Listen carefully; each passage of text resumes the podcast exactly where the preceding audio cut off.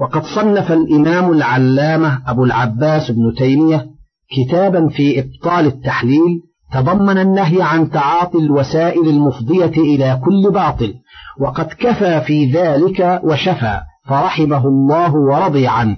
يمحق الله الربا ويربي الصدقات والله لا يحب كل كفار أثيم.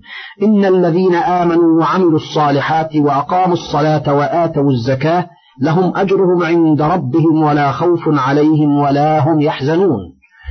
يخبر تعالى أنه يمحق الربا أي يذهبه. إما بأن يذهبه بالكلية من يد صاحبه أو يحرمه بركة ماله فلا ينتفع به بل يعدمه به في الدنيا ويعاقبه عليه يوم القيامة. كما قال تعالى قل لا يستوي الخبيث والطيب ولو أعجبك كثرة الخبيث. وقال تعالى ويجعل الخبيث بعضه على بعض فيركمه جميعا فيجعله في جهنم. وقال وما آتيتم من ربا ليربو في أموال الناس فلا يربو عند الله. الآية. وقال ابن جرير في قوله يمحق الله الربا وهذا نظير الخبر الذي روي عن عبد الله بن مسعود أنه قال الربا وإن كثر فإن عاقبته تصير إلى قل. وهذا الحديث قد رواه الإمام أحمد في مسنده فقال حدثنا حجاج حدثنا شريك عن الركين بن الربيع عن أبيه عن ابن مسعود عن النبي صلى الله عليه وسلم قال إن الربا وإن كثر فإن عاقبته تصير إلى قل. وقد رواه ابن ماجة عن العباس بن جعفر عن عمرو بن عون عن يحيى بن أبي زائدة عن إسرائيل عن الركين ابن الربيع ابن عميل الفزاري عن أبيه عن ابن مسعود عن النبي صلى الله عليه وسلم أنه قال ما أحد أكثر من الربا إلا كان عاقبة أمره إلى قل. وهذا من باب المعاملة بنقيض المقصود كما قال الإمام أحمد حدثنا أبو سعيد مولى بني هاشم حدثنا الهيثم بن نافع الظاهري حدثني أبو يحيى رجل من أهل مكة عن فروخ مولى عثمان أن عمر وهو يومئذ أمير المؤمنين خرج من المسجد فرأى طعاما منشورا فقال ما هذا الطعام? فقالوا طعام جلب إلينا. قال بارك الله فيه وفي من جلبه. قيل يا أمير المؤمنين إنه قد احتكر. قال ومن احتكر؟ قالوا فروخ مولى عثمان وفلان مولى عمر فأرسل إليهما فقال ما حملكما على احتكار طعام المسلمين؟ قال يا أمير المؤمنين نشتري بأموالنا ونبيع. فقال عمر سمعت رسول الله صلى الله عليه وسلم يقول من احتكر على المسلمين طعامهم ضربه الله بالإفلاس أو بجذام فقال فروخ عند ذلك أعاهد الله وأعاهدك ألا أعود في طعام أبدا. وأما مولى عمر فقال إنما نشتري بأموالنا ونبيع. قال أبو يحيى فلقد رأيت مولى عمر مجذوما ورواه ابن ماجة من حديث الهيثم بن رافع به. ولفظه من احتكر على المسلمين طعامهم ضربه الله بالإفلاس والجذام. وقوله ويربي الصدقات قرئ بضم الياء والتخفيف من ربى الشيء يربو وأرباه يربيه أي كثره ونماه وينميه. وقرئ يربي بالضم والتشديد من التربية قال البخاري حدثنا عبد الله بن كثير أخبرنا كثير سمع أبا النضر حدثنا عبد الرحمن بن عبد الله بن دينار عن أبيه عن أبي صالح عن أبي هريرة قال قال رسول الله صلى الله عليه وسلم من تصدق بعدل تمرة من كسب طيب ولا يقبل الله إلا الطيب فإن الله يتقبلها بيمينه ثم يربيها لصاحبها كما يربي أحدكم فلوة حتى يكون مثل الجبل. كذا رواه في كتاب الزكاة. وقال في كتاب التوحيد وقال خالد بن مخلد ابن سليمان بن بلال عن عبد الله بن دينار فذكر بإسناده نحوه وقد رواه مسلم في الزكاة عن أحمد بن عثمان بن حكيم عن خالد بن مخلد فذكره قال البخاري ورواه مسلم بن أبي مريم وزيد بن أسلم وسهيل عن أبي صالح عن أبي هريرة عن النبي صلى الله عليه وسلم قلت أما رواية مسلم ابن أبي مريم فقد تفرد البخاري بذكرها وأما طريق زيد بن أسلم فرواها مسلم في صحيحه عن أبي الطاهر بن الصرح عن أبي وهب عن هشام بن سعيد عن زيد بن أسلم به. وأما حديث سهيل فرواه مسلم عن قتيبة عن يعقوب بن عبد الرحمن عن سهيل به والله أعلم.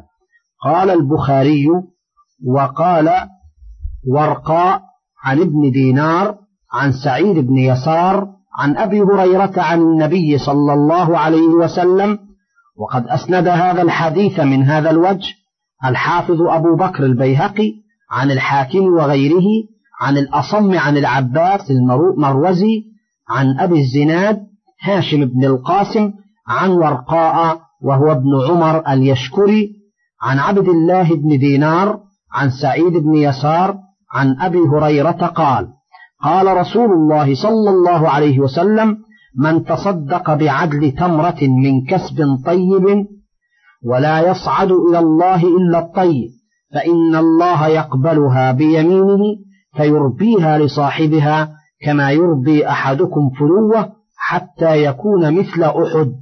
وهكذا روى هذا الحديث مسلم والترمذي والنسائي جميعا عن قتيبة عن الليث بن سعد عن سعيد المقبري وأخرجه النسائي من رواية مالك عن يحيى بن سعيد الأنصاري ومن طريق يحيى القطان عن محمد بن عجلان ثلاثتهم عن سعيد بن يسار أبي الحباب المدني. عن أبي هريرة عن النبي صلى الله عليه وسلم فذكره وقد روي عن أبي هريرة من وجه آخر فقال ابن أبي حاتم حدثنا عمرو بن عبد الله الأودي حدثنا وكيع عن عباد بن منصور حدثنا القاسم بن محمد قال سمعت أبا هريرة يقول قال رسول الله صلى الله عليه وسلم إن الله عز وجل يقبل الصدقة ويأخذها بيمينه فيربيها لأحدكم كما يربي أحدكم مهره أو فلوه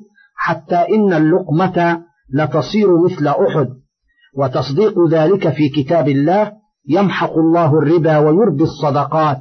وكذا رواه أحمد عن وكيع وهو في تفسير وكيع ورواه الترمذي عن أبي كريب عن وكيع به وقال حسن صحيح.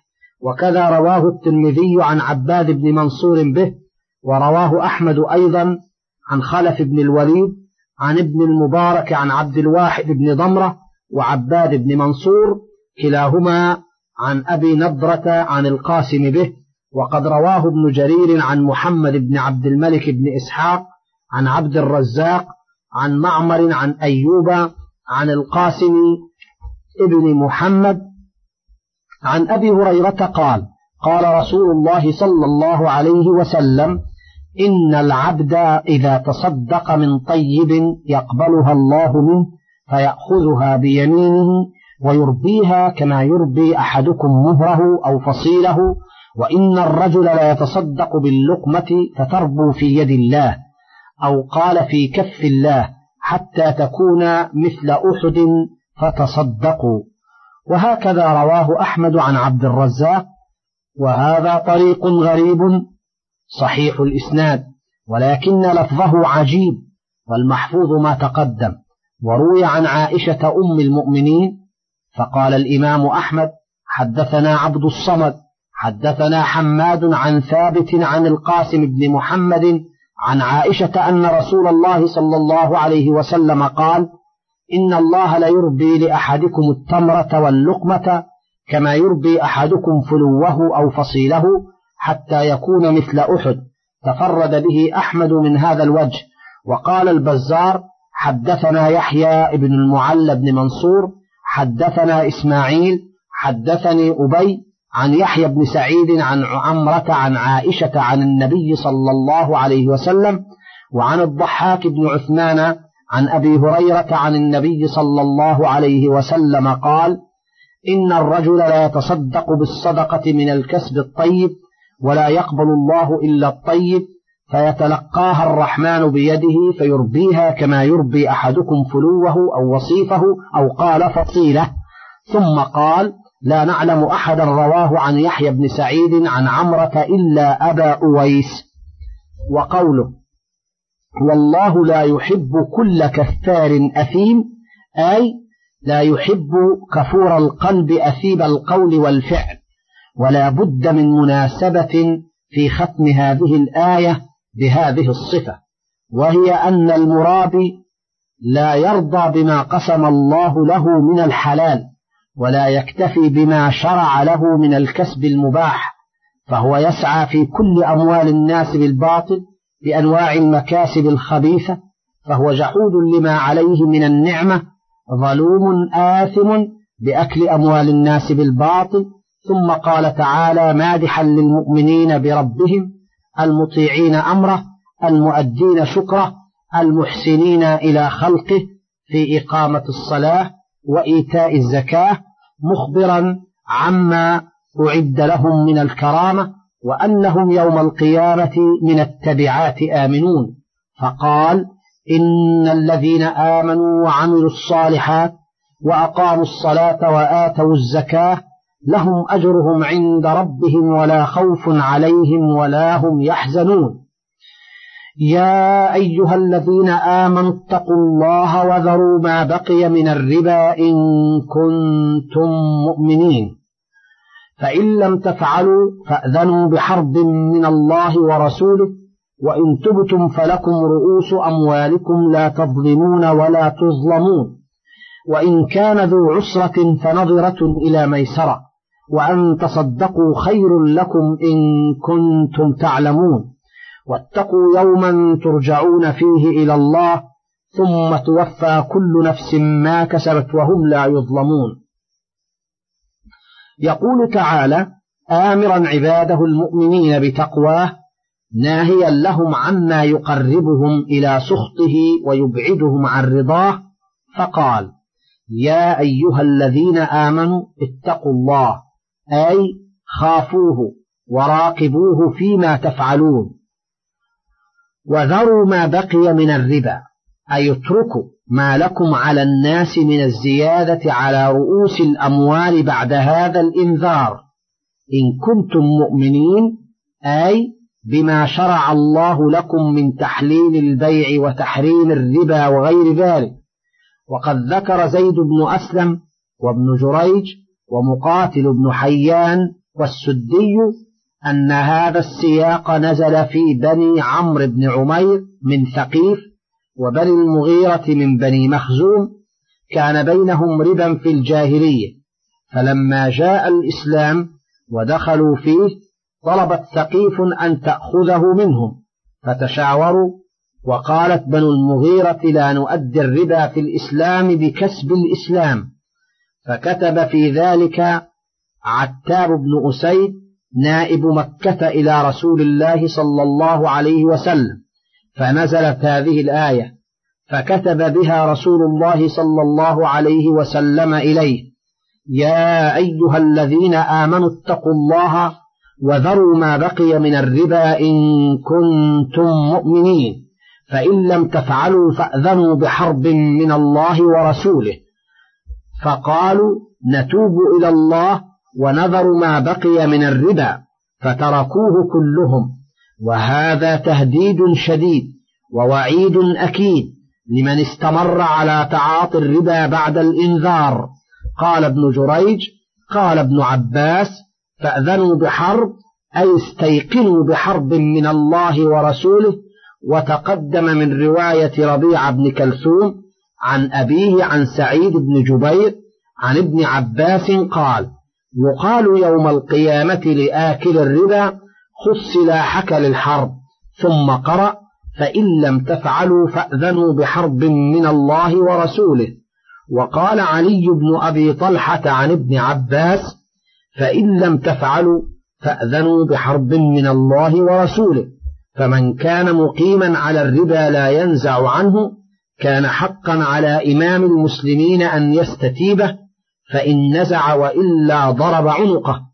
وقال ابن أبي حاتم حدثنا علي بن الحسين حدثنا محمد بن بشار حدثنا عبد الأعلى حدثنا هشام بن حسان عن الحسن وابن سيرين أنهما قالا والله إن هؤلاء الصيارفة لأكلة الربا وإنهم قد أذنوا بحرب من الله ورسوله ولو كان على الناس إمام عادل لاستتابهم فإن تابوا وإلا وضع فيهم السلاح وقال قتادة أوعدهم الله بالقتل كما يسمعون وجعلهم بهرجا أينما أتوا فإياكم ومخالطة هذه البيوع من الربا فإن الله قد أوسع الحلال وأطابه فلا يلجئنكم إلى معصيته فاقة.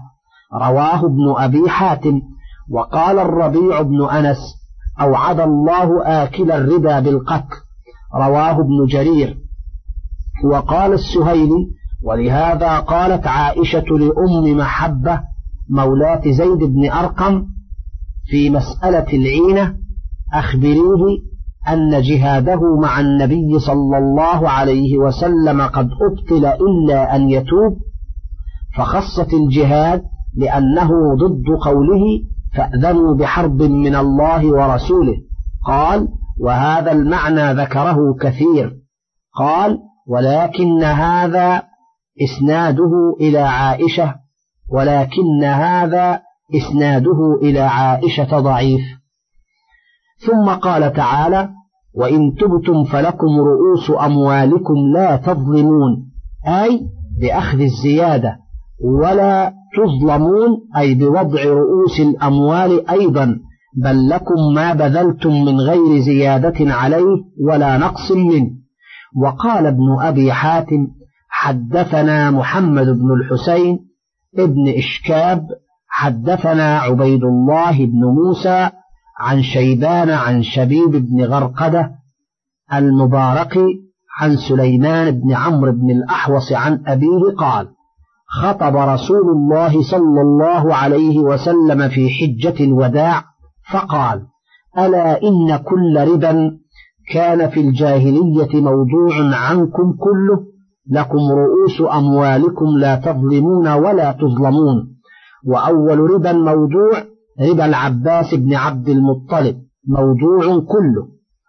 كذا وجده سليمان بن الأحوص وقد قال ابن مردويه حدثنا الشافعي حدثنا معاذ بن المثنى أخبرنا مسدد أخبرنا أبو الأحوص حدثنا شبير بن غرقدة عن سليمان بن عمرو عن أبيه قال سمعت رسول الله صلى الله عليه وسلم يقول ألا إن كل ربا من ربا الجاهلية موضوع فلكم رؤوس أموالكم لا تظلمون ولا تظلمون.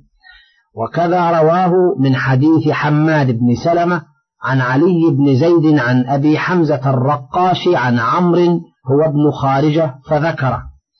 وقوله وإن كان ذو عسرة فنظرة إلى ميسرة وأن تصدقوا خير لكم إن كنتم تعلمون يأمر تعالى بالصبر على المعسر الذي لا يجد وفاء. فقال وإن كان ذو عسرة فنظرة إلى ميسرة. لا كما كان أهل الجاهلية يقول أحدهم لمدينه إذا حل عليه الدين إما أن تقضي وإما أن تربي ثم يندب إلى الوضع عنه ويعد على ذلك الخير والثواب الجزيل فقال وأن تصدقوا خير لكم إن كنتم تعلمون. أي وأن تتركوا رأس المال بالكلية وتضعوه عن المدين وقد وردت الأحاديث من طرق متعددة عن النبي صلى الله عليه وسلم بذلك فالحديث الأول عن أبي أمامة أسعد بن زرارة قال الطبراني حدثنا عبد الله بن محمد بن شعيب المرجاني حدثنا يحيى بن حكيم المقوم حدثنا محمد بن بكر البرساني حدثنا عبد الله بن أبي زياد حدثنا عاصم بن عبيد الله عن أبي أمامة أسعد بن زرارة قال قال رسول الله صلى الله عليه وسلم من سره أن يظله الله يوم لا ظل إلا ظله فلييسر على معسر أو ليضع عنه. حديث آخر. عن بريدة قال الإمام أحمد حدثنا عفان حدثنا عبد الوارث حدثنا محمد بن جحادة عن سليمان بن بريدة عن أبيه قال سمعت النبي صلى الله عليه وسلم يقول من أنظر معسرا فله بكل يوم مثله صدقة. قال ثم سمعته يقول من أنظر معسرا فله بكل يوم مثلاه صدقة. قلت سمعتك يا رسول الله تقول من أنظر معسرا فله بكل يوم مثله صدقة. ثم سمعتك تقول من أنظر معسرا فله بكل يوم مثلاه صدقة. قال له بكل يوم مثله صدقة قبل أن يحل الدين. فإذا حل الدين فأنظره فله بكل يوم مثلاه صدقة. حديث آخر عن أبي قتادة الحارث بن ربعي الأنصاري قال أحمد حدثنا حماد بن سلمة أخبرنا أبو جعفر الخطمي عن محمد بن كعب القرظي أن أبا قتادة كان له دين على رجل وكان يأتيه يتقاضاه فيختبئ منه فجاء ذات يوم فخرج صبي فسأله عنه فقال نعم هو في البيت يأكل خزيرة فناداه فقال يا فلان اخرج فقد أخبرت أنك ها هنا فخرج إليه فقال ما, يغي ما يغيبك عني؟ فقال إني معسر وليس عندي شيء. قال آه الله إنك معسر؟ قال نعم. فبكى أبو قتادة. ثم قال سمعت رسول الله صلى الله عليه وسلم يقول من نفس عن غريمه أو محى عنه كان في ظل العرش يوم القيامة. ورواه مسلم في صحيحه. حديث آخر.